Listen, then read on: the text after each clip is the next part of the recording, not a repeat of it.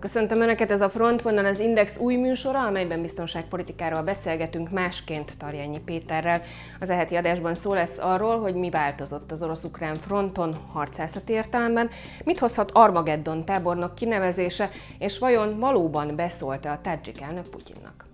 Oroszország eldöntötte, hogy most már totális háborút fog folytatni.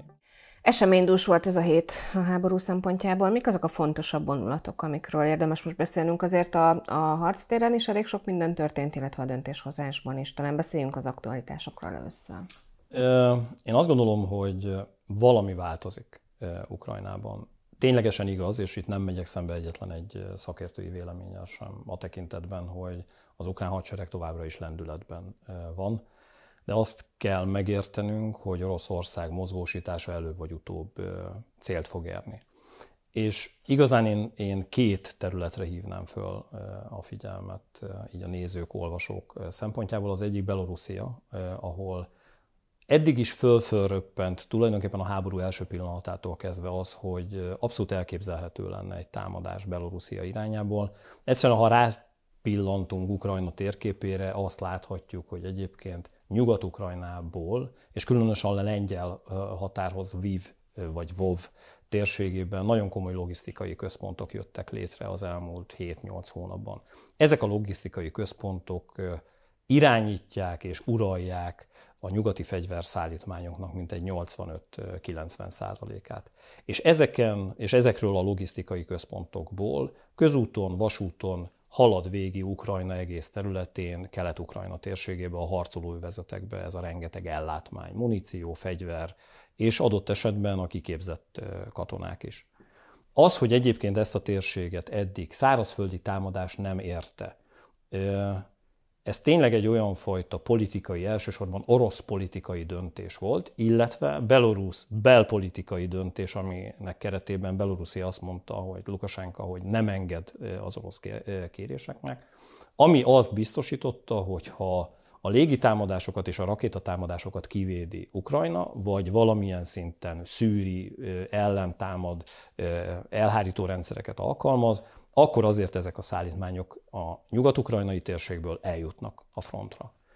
Ez egy hosszú terület, tehát ez egy hosszú vasúti hálózatot, tehát 800 és adott esetben 1000 kilométert is mondhatunk, de egyszerűen Belorusszia, és ezért mondtam azt, hogyha rápillantasz a, a, a, a térképre, azt látod, hogy ez az egész helyzet olyan szempontból idézőjelbe ordít stratégiailag, hogy ezzel valamit szárazföldi támadással kezdeni kellett volna.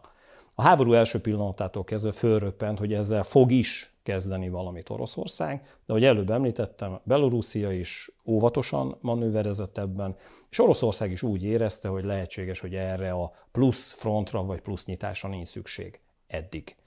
A mostani hírszerzési információk szerint folyamatosan arról beszél Belorusszia, hogy nem lesz itt semmi, tehát hogy igazán csak a a fehér orosz védelmi képességeket növelik, de nem szabad elfelejtenünk, hogy egyébként ez az egész háború úgy indult, hogyha visszaemlékszel tavaly is, hogy csupán csak hadgyakorlatok zajlanak Oroszország és Ukrajna határán, aztán egyszer csak február 24-én idén kirobbant ez a háború. Tehát ez az egyik új helyzet, amiben elképzelhető, hogy nem önállóan Fehér Oroszország, hanem Fehér Orosz erők orosz erőkkel megerősítve próbálnak szárazföldi támadást végrehajtani ezek ellen az utánpótlási útvonalak ellen. Ez az egyik dolog. A másik, hogy Nyilvánvalóan azt kell megértenünk, hogy az ukrán utánpótlási útvonalak, hogy előbb is fogalmaztam, egyre jobban nyúlnak. és ezt nem olyan szempontból kell értenünk, hogy ahonnan elindult az ukrán hadsereg a keleti fronton, és akkor itt beszélünk néhány tíz kilométerről, hanem ténylegesen az utánpótlási útvonalak, ahogy előbb fogalmaztam, sok-sok száz kilométert jelentenek. Az Egyesült Államok, vagy adott esetben a NATO támogatásai, azok nem közvetlenül Harkivban jelennek meg. Azokat az eszközöket valahogyan oda kell juttatni. És hát ilyen szempontból ezeket az utánpótlási útvonalakat biztosítani. És azt a fajta megváltozott stratégiát, amiben Oroszország eldöntötte, hogy most már totális háborút fog folytatni. És ez egy kicsit lehet, hogy furcsa, mert hogy eddig mindenki arról beszélt, hogy Oroszország most is totális háborút folytat. Ez bizonyos szempontból igaz, hiszen a totális háború ismérvei között azt látjuk, hogy ha légierőt vetnek be, ha rakétacsapások történnek, hogyha a haditengerészet harcol egy országban, akkor igazán egy totális háborúról beszélünk. De ennek vannak fokozatai. Ahogy beszélgettük egyszer, tulajdonképpen a pokolnak, mintha lennének különböző szintjei, Igen, vagy, vagy bugyrai. Így van. És sajnos most egyre mélyebben süllyedünk így a pokol bugyraiba, mert hogy a totális háborúhoz hozzátartozik az, hogy a civil lakosság ne csak egy-egy pillanatban legyen támadva, hanem folyamatosan, és a civil lakosság életkörülményeit el lehessen pusztítani teljes egészében. Ami első lépésben ivóvíz, áram, hőellátás megszüntetése. Kicsit olyan helyzet, és ezért mondom azt, hogy láttunk ilyet, mert hogyha megnézed például Mariupol ostromát, ott, amikor földeltették egyenlővé a város komoly részét, vagy teljesen, most idézőjelbe téve mondom, és ne értsék félre a nézők, természetes módon az orosz hadsereg azt mondta, hogy minden ivóvíz, áramellátást meg kell szüntetni. És ezt meg is tették. Ott, abban a városban totális háborút láttunk. Tehát ott a háború összes borzalma megjelent. Ez Ukrajna egész területére nem igaz. Ha megnézel híreket, képsorokat, azt látod, hogy Kievben is, tehát a fővárosban is, miután a nagy veszélyeztetés ugye a tavaszhoz képest elmúlt. Azért élték az életüket, nyáron szórakoztak a fiatalok, igazán légi csapások nem történtek. Most, az elmúlt egy hétben tudatosan az orosz haderő elkezdte ezt a három, tehát a hőellátás, áramellátás, ivóvízellátás rendszereit támadni, hogy Ukrajnát térre, egy olyan helyzetbe hozza, amiben ezek a rendszerek nem működnek.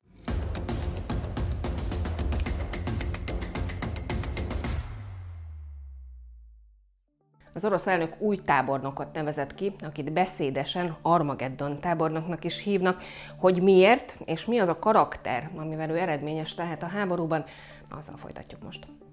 Megpróbáltam megkeresni azt a top vezetőt, aki ezt a fajta háborús logikát, tehát ezt a totális háborús logikát a precíziós csapásos nyugati ellen logikával szemben kitűnően tudja művelni. Tulajdonképpen beírja a nevét az orosz történelemben. Most az, hogy vérrel, ez igazán Oroszországban annyira nem jelent semmit, vagy nem számít. Azt tapasztaltuk, vagy legalábbis az volt a megélésünk szerintem mindenkinek szinte, aki akár laikus szinten is foglalkozott a, a háborúval, hogy, hogy Putyin már eddig is úgymond a rossz fiú szerepében volt, eddig is magára haragította a világot, eddig is ő volt az agresszor, és Oroszország volt az agresszor, és azok a politikai választlépések, amik részben az Uniótól, részben pedig más világ más országaitól jöttek, azok részben eredményesek voltak, részben nem, de úgy tűnt, hogy, hogy tulajdonképpen a politikai játszmák zajlanak, mert hogy egyébként az agresszor fellép a hadszintéren. Ehhez képest, amit most mondasz, az azt mutatja, hogy Putyin eddig engedékeny volt, és most jön a jama. Ez egy kicsit, tehát hogy mondjam... Nyilván túlzás. Igen, tehát ez egy kicsit sarkos megfogalmazás a, a részedről. Olyan szempontból, tehát én nem engedékenységet mondanék. A háború irányításának megvannak a szabályai, hogyha lehet így fogalmazni. Nagyon egyszerű szabály, de ez ilyen több ezer éves, és ez egy pokoli szabály, tehát nem mondom, hogy ez egy jó szabály. Ha elpusztítod az ellenfeledet, és te életben maradtál, akkor te győztél. És ezért volt az, hogy, és ne erről a háborúról beszéljünk, beszéljünk mondjuk a mongol, tehát Genghis Khan seregeiről, ahol abszolút ez a fajta terror stratégia működött. Ha az összes ellenfél elpusztul, akkor a mongol birodalom terjeszkedett és győzött. És ezért mondom azt, hogy a totális háborúban adott esetben az ellenfél totális megsemmisítése a cél. Mondhatom másik példaként a második világháborút akár a Wehrmacht vagy az SS oldaláról, de mondhatom a szövetségesek oldaláról akár Dresda bombázását is. Tehát a, a, a totális szőnyegbombázások, amiben nem csak az infrastruktúrát, hanem a, a civil lakosságot is teljes egészében támadták. Igazán eddig azt láthattuk, hogy a az orosz politikai elit miközben tudja azt, amit mondasz, hogy ők a rossz fiúk, nem is nagyon érdekli, tehát ezt is hozzátehetjük. Valamilyen fajta szabályrendszer mellett próbált játszani. És ezzel egyébként az orosz hadsereg vezetése nem tudott mit kezdeni. Két iskola van a, a hadseregek vezetésében. Van a nyugati iskola, ami igazán én azt mondanám neked, hogy a vietnámi háború után, a vietnámi háborúban totális háború zajlott, és egyébként nagyon érdekes, hogy ahogy, ahogy egyre jobban belesodródott az amerikai Egyesült Államok ebbe a háborúba, a háború elején elképzelhetetlen volt, hogy például olyan vegyszereket alkalmazzak, alkalmazzanak, amiben ugye a, a, az esőerdők, illetve különböző erdős területek teljes egészében elpusztultak. Hát a háború közepén végén már nem volt kérdés, hogy az amerikai hadsereg ilyen eszközökhöz nyúljon, és ebben rengeteg ember meg is betegedett. Itt is ezt látjuk, hogy a, az orosz hadvezetés gondolatiságában van egy totális háborús, ez az erő pozíciójából mindent elpusztító gondolkodás, és van a nyugati gondolkodás, ahol az van, hogy ugyan vannak háborúk, ezeket meg kell vívni, viszont a háború megvívásánál azért törekedni kell arra, hogy precíziós csapásokkal történjen mindez. Nyilván ebben is vannak, tehát itt, itt Tudom, hogy többen felszisszennek, tehát Afganisztánban is láttunk olyat, amikor a, a nász nép, tehát esküvői menetbe csapódott bele egy drónrakéta. De összesen lehet hasonlítani, bármennyire is furcsa, amit mondok, a két gondolatiságot.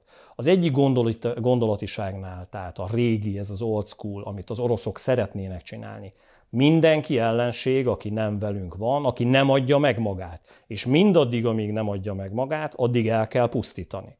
És van a másik fajta logika, ahol az van, hogy hát azért próbáljunk úgy háborúzni egyfajta ilyen szabályrendszer mentén, olyan eszközöket alkalmazva, amiben azért a civil lakosság nem sérül olyan mértékben. És ebben próbált lavírozni az orosz politika. Ebben két dolog, én azt hiszem, közrejátszott. Egyrészt egy óriási tévedés, ami azóta napvilágot látott, és most már Putyin is tudja, ez a tévedés abból fakad, hogy az orosz vezetés, tényleg a top vezetés azt hitte, hogy ilyenfajta precíziós háborúra az orosz hadsereg képes. Ma már tudjuk, hogy nem. Az orosz hadsereg továbbra is tömegháborúra és ilyenfajta totális háborúra képes, és erre is egyébként nehezen. De továbbra is azt mondom, hogy veszedelmes ellenfél Oroszország, mert hihetetlen tartalékokkal rendelkezik. Ez is egy fontos hír, hogy egyre inkább látszódik, hogy például Iránból hozzájutottak azokhoz a drón technológiákhoz, ezt az Egyesült Államok nem tudta megakadályozni, hogy ezek a fegyverrendszerek eh, megjelenjenek, és Izrael sem tudta megakadályozni. Mindkét ország kitűzte célként, amikor ez az egyeztetés volt, és hírszerzési eh, berkekben pillanatok alatt megjelent a New York Times-ban, Washington Postban, hogy erről tárgyal az orosz elnök, na de ezt majd megpróbálják megakadályozni. Ehhez képest azt látjuk, hogy egyébként az ukrán harcmezőkön, illetve Kiev utcáin is öngyilkos drónok robbannak, amit egyébként Iránból szerzett Oroszország. Tehát ilyen szempontból ez a fajta háborús logika abszolút megjelent orosz oldalon, és ez a háborús logika hozta azt a fajta változást, amiben Putyin elnök és az orosz vezetés megpróbálta megkeresni azt a top vezetőt, aki ezt a fajta háborús logikát, tehát ezt a totális háborús logikát a precíziós csapásos nyugati ellenlogikával szemben kitűnően tudja művelni. Tulajdonképpen megpróbálta szépen, nem ment, és akkor most jött Armageddon tábornok. Igen, és ennek tétje is van. Tehát ugye azt értsd, hogy politikusként, és ezért mondtam azt, hogy próbált lavírozni, elhitte azt, hogy precíziós csapásokkal győzni fog. Elhitte azt, hogy villámháborúval győzni fog. Egyik se. Az egyikre nem képes az orosz hadsereg, a másik meg hírszerzési szempontból hiúsult meg, hiszen az orosz hírszerzés félretájékoztatta az orosz hadsereget a tekintetben, hogy Ukrajnában hogyan fogadják őket. Tényleg azt hitték, hogy egyfajta felszabadítóként fognak megjelenni, és ez egy totális hazugság volt. Ez reális, hogy Putyin valóban ezt hitte? Vagy ezt hitették el vele, Én azt gondolom, elhitte? Figyelj, az első időszakban szerintem igen. Tehát ez egy, ez egy döbbenetes ilyen önfelismerés. Ez az én szóltam kategória? Nem is az, hogy én szóltam, hanem ő, őt, őt berakták a hintába, most bocsánat így pestélyesen. Tehát azt mondták neki, hogy Ukrajna nem képes ellenállásra, hogy Ukra, az ukrán lakosság kenyerelés válja az orosz hadsereget, hogy az ukrán politikai elit el fog menekülni. Az ukrán elnököt pillanatok alatt sikerül majd elfogni. Tehát so, nem, nem, nem, nem, egyik se jött össze. És ennek kapcsán próbálkoztak egy keményebb, és most direkt nem mondom azt, hogy kicsit keményebb, mert ebben nincsenek fokozatok, tehát egy keményebb fellépéssel, Szurovikin tábornok egyébként ugye ő a déli hadseregcsoportot irányította, például ezekben a térségekben ő ezt a régi logikát tehát alkalmazta. És ezek mentén igenis eredményeket ért el az orosz hadsereg. Máshol viszont totálisan nem. És most ennek a harmadik hullámnak, nevezzük így, ugye volt a villámháborús hullám, aztán volt az előrenyomuló, el, előrenyomulós, a régi logikát alkalmazó tüzérségi támadást, és azt követő gyalogsági hullámokkal operáló orosz hadsereg. Ez is kudarcot vallott, ugye az ukrán ellentámadás, illetve elsősorban a nyugati fegyverek miatt. Eljött az a pillanat, hogy azt mondta az orosz politikai elit, hogy eddig és ne tovább, Ukrajna kell, tehát nem mondunk le Ukrajnáról, el akarjuk foglalni. Meg kell dönteni ezt a fajta Zelenszky uralmat, és meg kell dönteni ezt a nyugatbarát gondolkodást. Viszont ehhez plusz erő kell, ez a mozgósítás, amit látunk, ehhez plusz haditechnikai eszközök kellenek, hát ebben is folyik valamilyen fajta mozgósítás, kisebb-nagyobb sikereket, tehát borzasztó, itt az Indexen is lehetett látni videókat, hogy hihetetlen régi, tehát tényleg a 60-as, 70-es évek technológiájához nyúl így vissza Oroszország, ennyit a precíziós eszközökről, és választanak olyan vezetői garnitúrát, emblematikus arcot, Szurovikin tábornok személyében, akik ezt a régi iskolát képviselik, és azt mondják, hogy jó, a politikának eddig volt beleszólása. Nyilván nem fog olyat mondani, az orosz elnök nem szólhat bele, de igazán szabad kezet kér, ezt kapta meg ugye múlt héten Putyin elnöktől. Ő egy olyan katonai parancsnok, tényleg csak ezt így két mondattal átugorva, aki mer visszabeszélni adott esetben Putyin elnöknek, és mer olyan kijelentést tenni, hogy nem vagyunk készen adott esetben egy ilyenfajta támadásra. Ezt a többi parancsnok nem merte megtenni. Ez nagyfokú magabiztosság és szakmaiság. És nem csak magabiztosság és szakmaiság, hanem ő, tehát ez a vezető, lehetőséget lát ebben a háborúban. Tehát míg a többiek azt látták, hogy ebbe bele lehet bukni, ebbe a, a háborús helyzetbe, és ugye több garnitúrát cserélt és váltott Putyin elnök. Ő azt látja, hogy igenis, ha ő nyer, ha azt a fajta régi iskolát, magyarán mindent elpusztítunk, úgyis megadja magát majd az ellenfél, vagy elpusztul, és szállítom az eredményt a politikai elitnek, akkor meg fogom kapni a jutalmamat. És ami nagyon érdekes, ez a jutalom témakör, ez azért is jelenik meg többször, mert egyébként láthatjuk, hogy a szankciók oldaláról, ha megnézed, az orosz katonai, tehát tábornoki kar jó része szankcionálva van. Tehát pontosan tudja a nyugat, hogy Putyin elnökkel, akik jóban vannak, az pénzügyi szempontból is megéri, üzletileg. Viszont azzal, hogy zárolták az ő vagyonát, azzal, hogy a többi, tehát fölötte lévő többi parancsnok mind megbukott, mert hogy nem tudták hozni az eredményeket. Hozzáfordult az elnök személyesen. Ő elmondta, hogy hogyan lehet itt nyerni. Magyarán vissza kell nyúlni ehhez a totális háborús régi iskolához, amihez egyébként Oroszország tényleg ért. Aminek bizonyos elemeit például Szíriában bevetették, ugye ezért kapta ezt a Armageddon tábornok nevet. Azt gondolja, hogy ezzel a logikával és ezzel a hozzáállással tudja hozni az eredményt. És ha hozza az eredményt, akkor a politikai elit marad, ha pedig nem hozza az eredményt, akkor úgy is tudja mindenki, hogy ez a politikai elit menni fog. És itt van az, amit te kérdeztél, hogy ezt Putyin is tudja.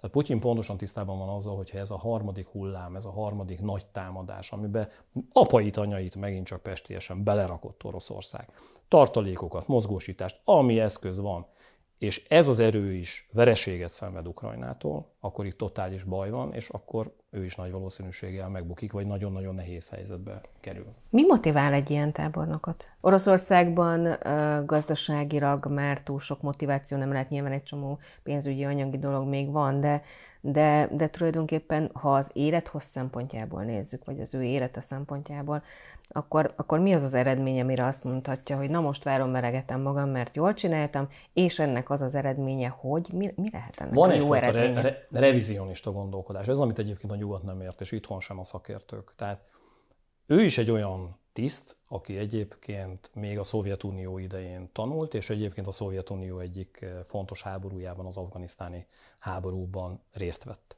és vereséget szenvedett a Szovjetunió. Ő is megélte azt, hogy milyen az, amikor fölbomlik a Szovjetunió. E, hogy az, amiben hitt, az darabjaira hullik. És itt volt egyébként, és ez Putyin egyik főhívó üzenete volt, hogy ezt a fajta vágyat, hogy ezt a birodalmat valahogyan vissza kéne építeni. Ezt tudta megszólítani. Katonáknál, politikusoknál, üzletembereknél, tehát az egész orosz társadalomban. Ebből nőtt ki a szilovnyikok ereje. És vannak katonai szilovnyikok is, és emellett a csecsen háborúban harcolt, és mindig hálás volt a hatalom azért, mert hozta az eredményt. A mohósági, kapzsisági faktort azt ne hanyagoljuk el, tehát nem a kitüntetés a lényeg, nyilván a hiúság szempontjából persze, tehát igen, hát ugye Szíria után is megkapta Oroszország hőse, ugye ez a legmagasabb orosz kitüntetés, de a Szovjetunió idején is egy ember többször kaphatott egy ilyen kitüntetést. Tehát, hogy a legnagyobb kitüntetést megkapod még egyszer. Tehát, de, de hidd el nekem, hogy nem ez az, ami őt mozgatja. Gazdasági szempontból, hogyha az elnök hálás, akkor földet, hajót, repülőt, mindent kaphatsz. Hát hihetetlen, de az, hogy mondjuk egy amerikai, vagy német, vagy francia tábornokot szankcionálni lehessen a vagyona alapján, ez a NATO-ban, nyilván lehet magánvagyon, de, de azt, amit szankcionálsz, vagy a családjának a magánvagyonát, azért annak kell egy mértékegységnek lennie. Ezek a vezetők ilyen mértékegységű vagyonnal, tehát hogy itt 100 millió dollárokról beszélhetünk adott esetben.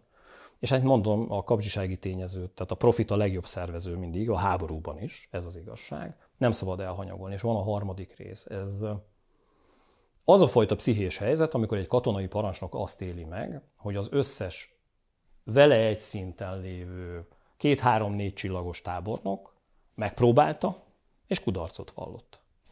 De neki sikerült. Tehát, hogy ő, ő meg tudta oldani a lehetetlent, a Gordiuszi csomót ketté vágta. És nyilván, ahogy előbb mondtam, ez a lehetőség rész, a gazdasági rész, és az, hogy tulajdonképpen beírja a nevét az orosz történelemben. Most az, hogy vérrel, ez igazán Oroszországban annyira nem jelent semmit, vagy nem számít.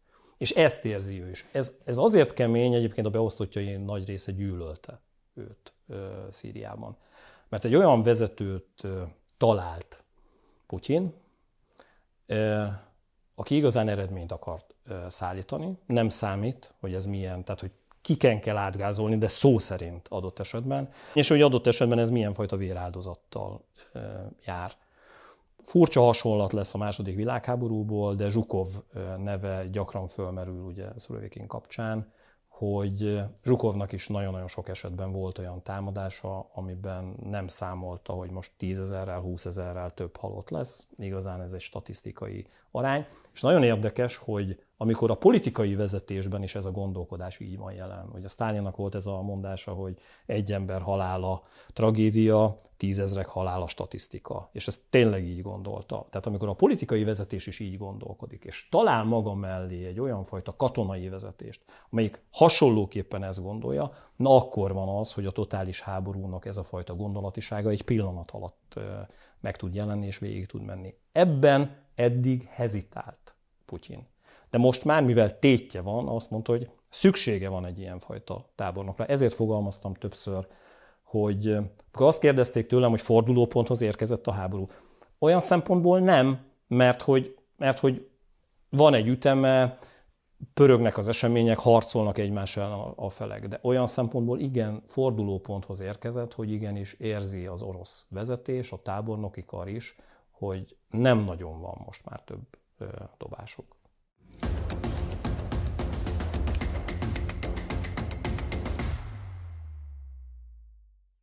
7 percig beszélt a tadzsik elnök Vladimir Putyinról.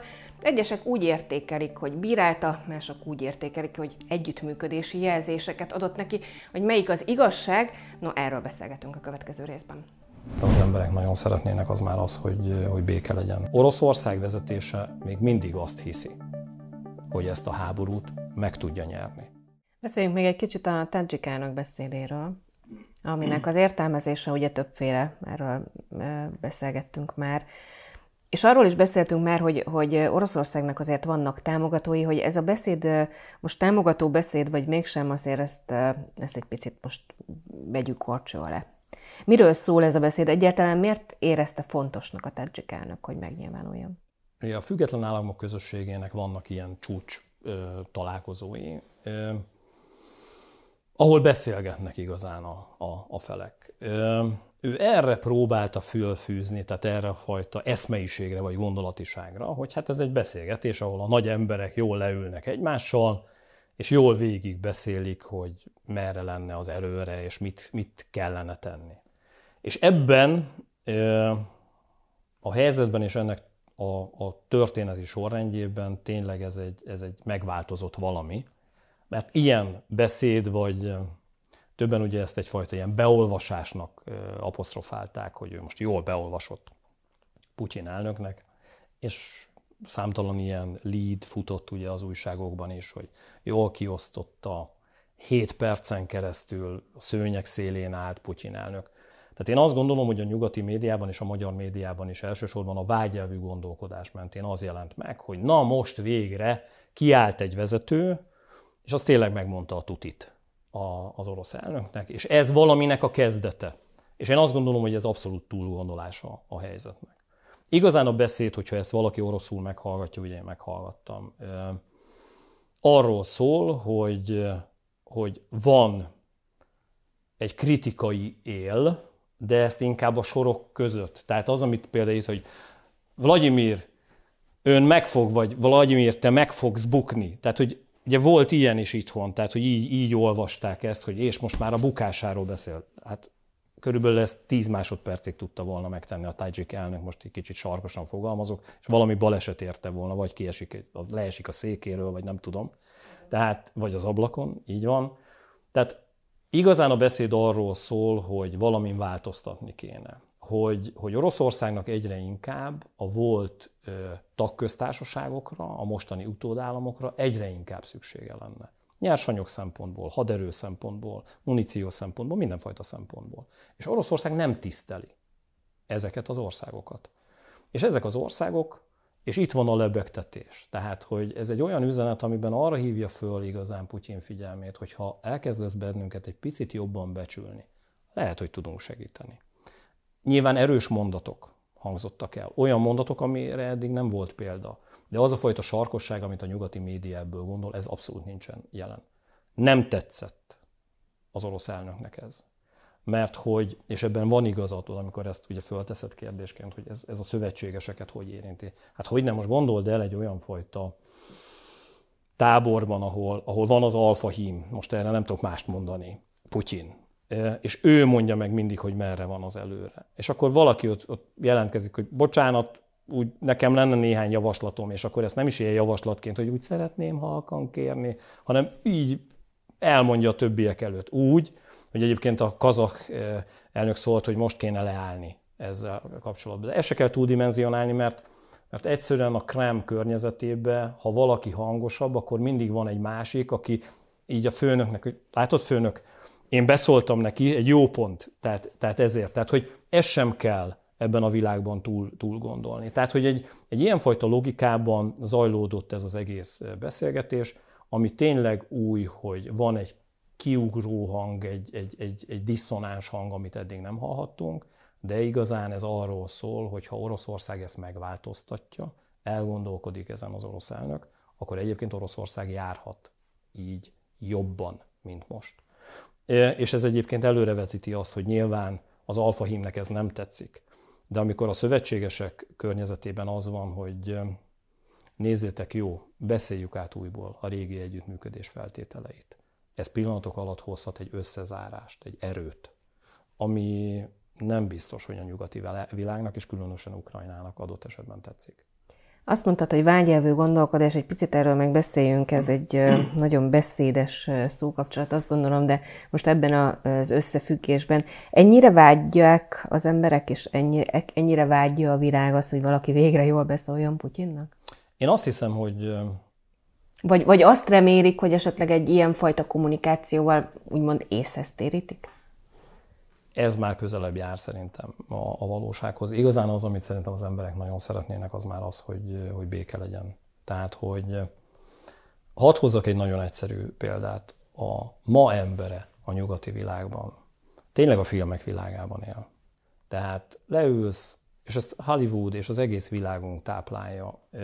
És bizonyos esetekben egyébként a, a tudományos világ is, ha most a Covid-ot említem, nyilván pokoli dolgok történtek, sok millió ember meghalt, de nem az történt, hogy hogy, és nem arról beszélek, hogy ez a járvány nem marad, vagy ez a vírus nem marad itt velünk, de hogy a világ rámozdult, a nyugati világ elkezdett megoldásokon töprengeni, és itt jönnek a konteók, hogy lehet, hogy már régen ott volt a valamelyik fiókban, teljesen mindegy. De igazán azt lehet mondani, hogy egy bő év alatt valamilyen fajta választ tudott adni egy válságra. A filmek világában is ezt szoktuk meg. 90 perc, 120 perc, teljesen mindegy. Válság, probléma, Jaj, fiú, jó fiú. Így van, kialakul, győzelem, happy end, és, és 120 perc alatt lezajlott. Meghal a gonosz, és a jó megy. Igen. Itt mondtam az asztalon, magyaráztam, hogy befele megyünk ebbe a háborúba. És még, még mindig ezt mondom, hogy, és ez az, amit, amit a világban, nyilván nem így szakértői szemmel, de hogyha kimész, egy átlagpolgár, most nyilván az átlagot idézőjelbe teszem, és azt érzi, hogy, hogy még mindig érzés oldalról befelé gyaloglunk. Azt halljuk, hogy úristen, mi lesz Európában a gázzal kapcsolatban télen. Lesz-e vajon elég gáz? Tudunk-e fűteni? 18 fok lesz az iskolákban, vagy, vagy nem?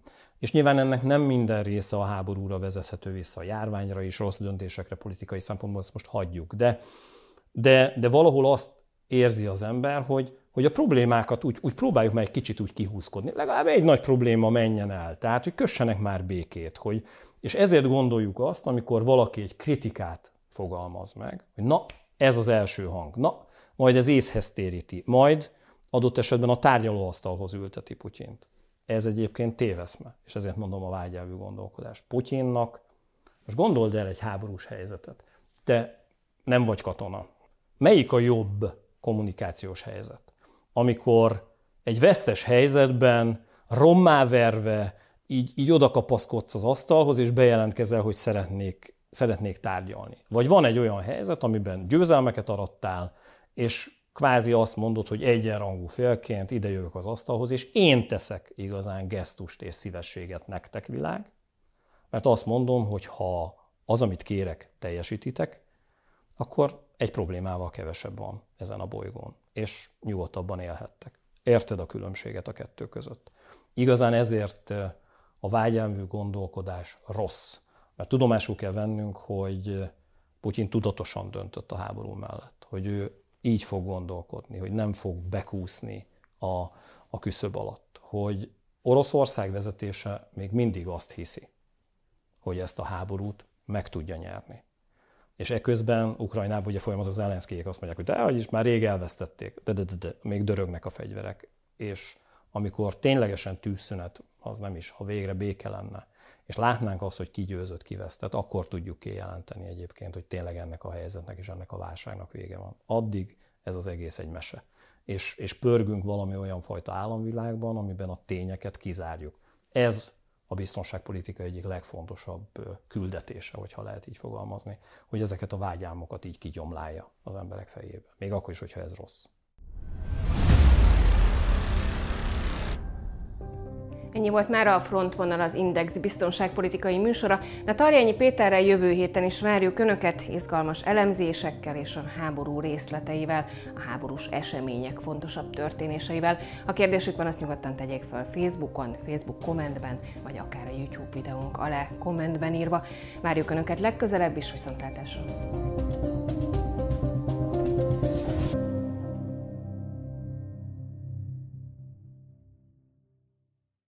A műsor a Béton partnere.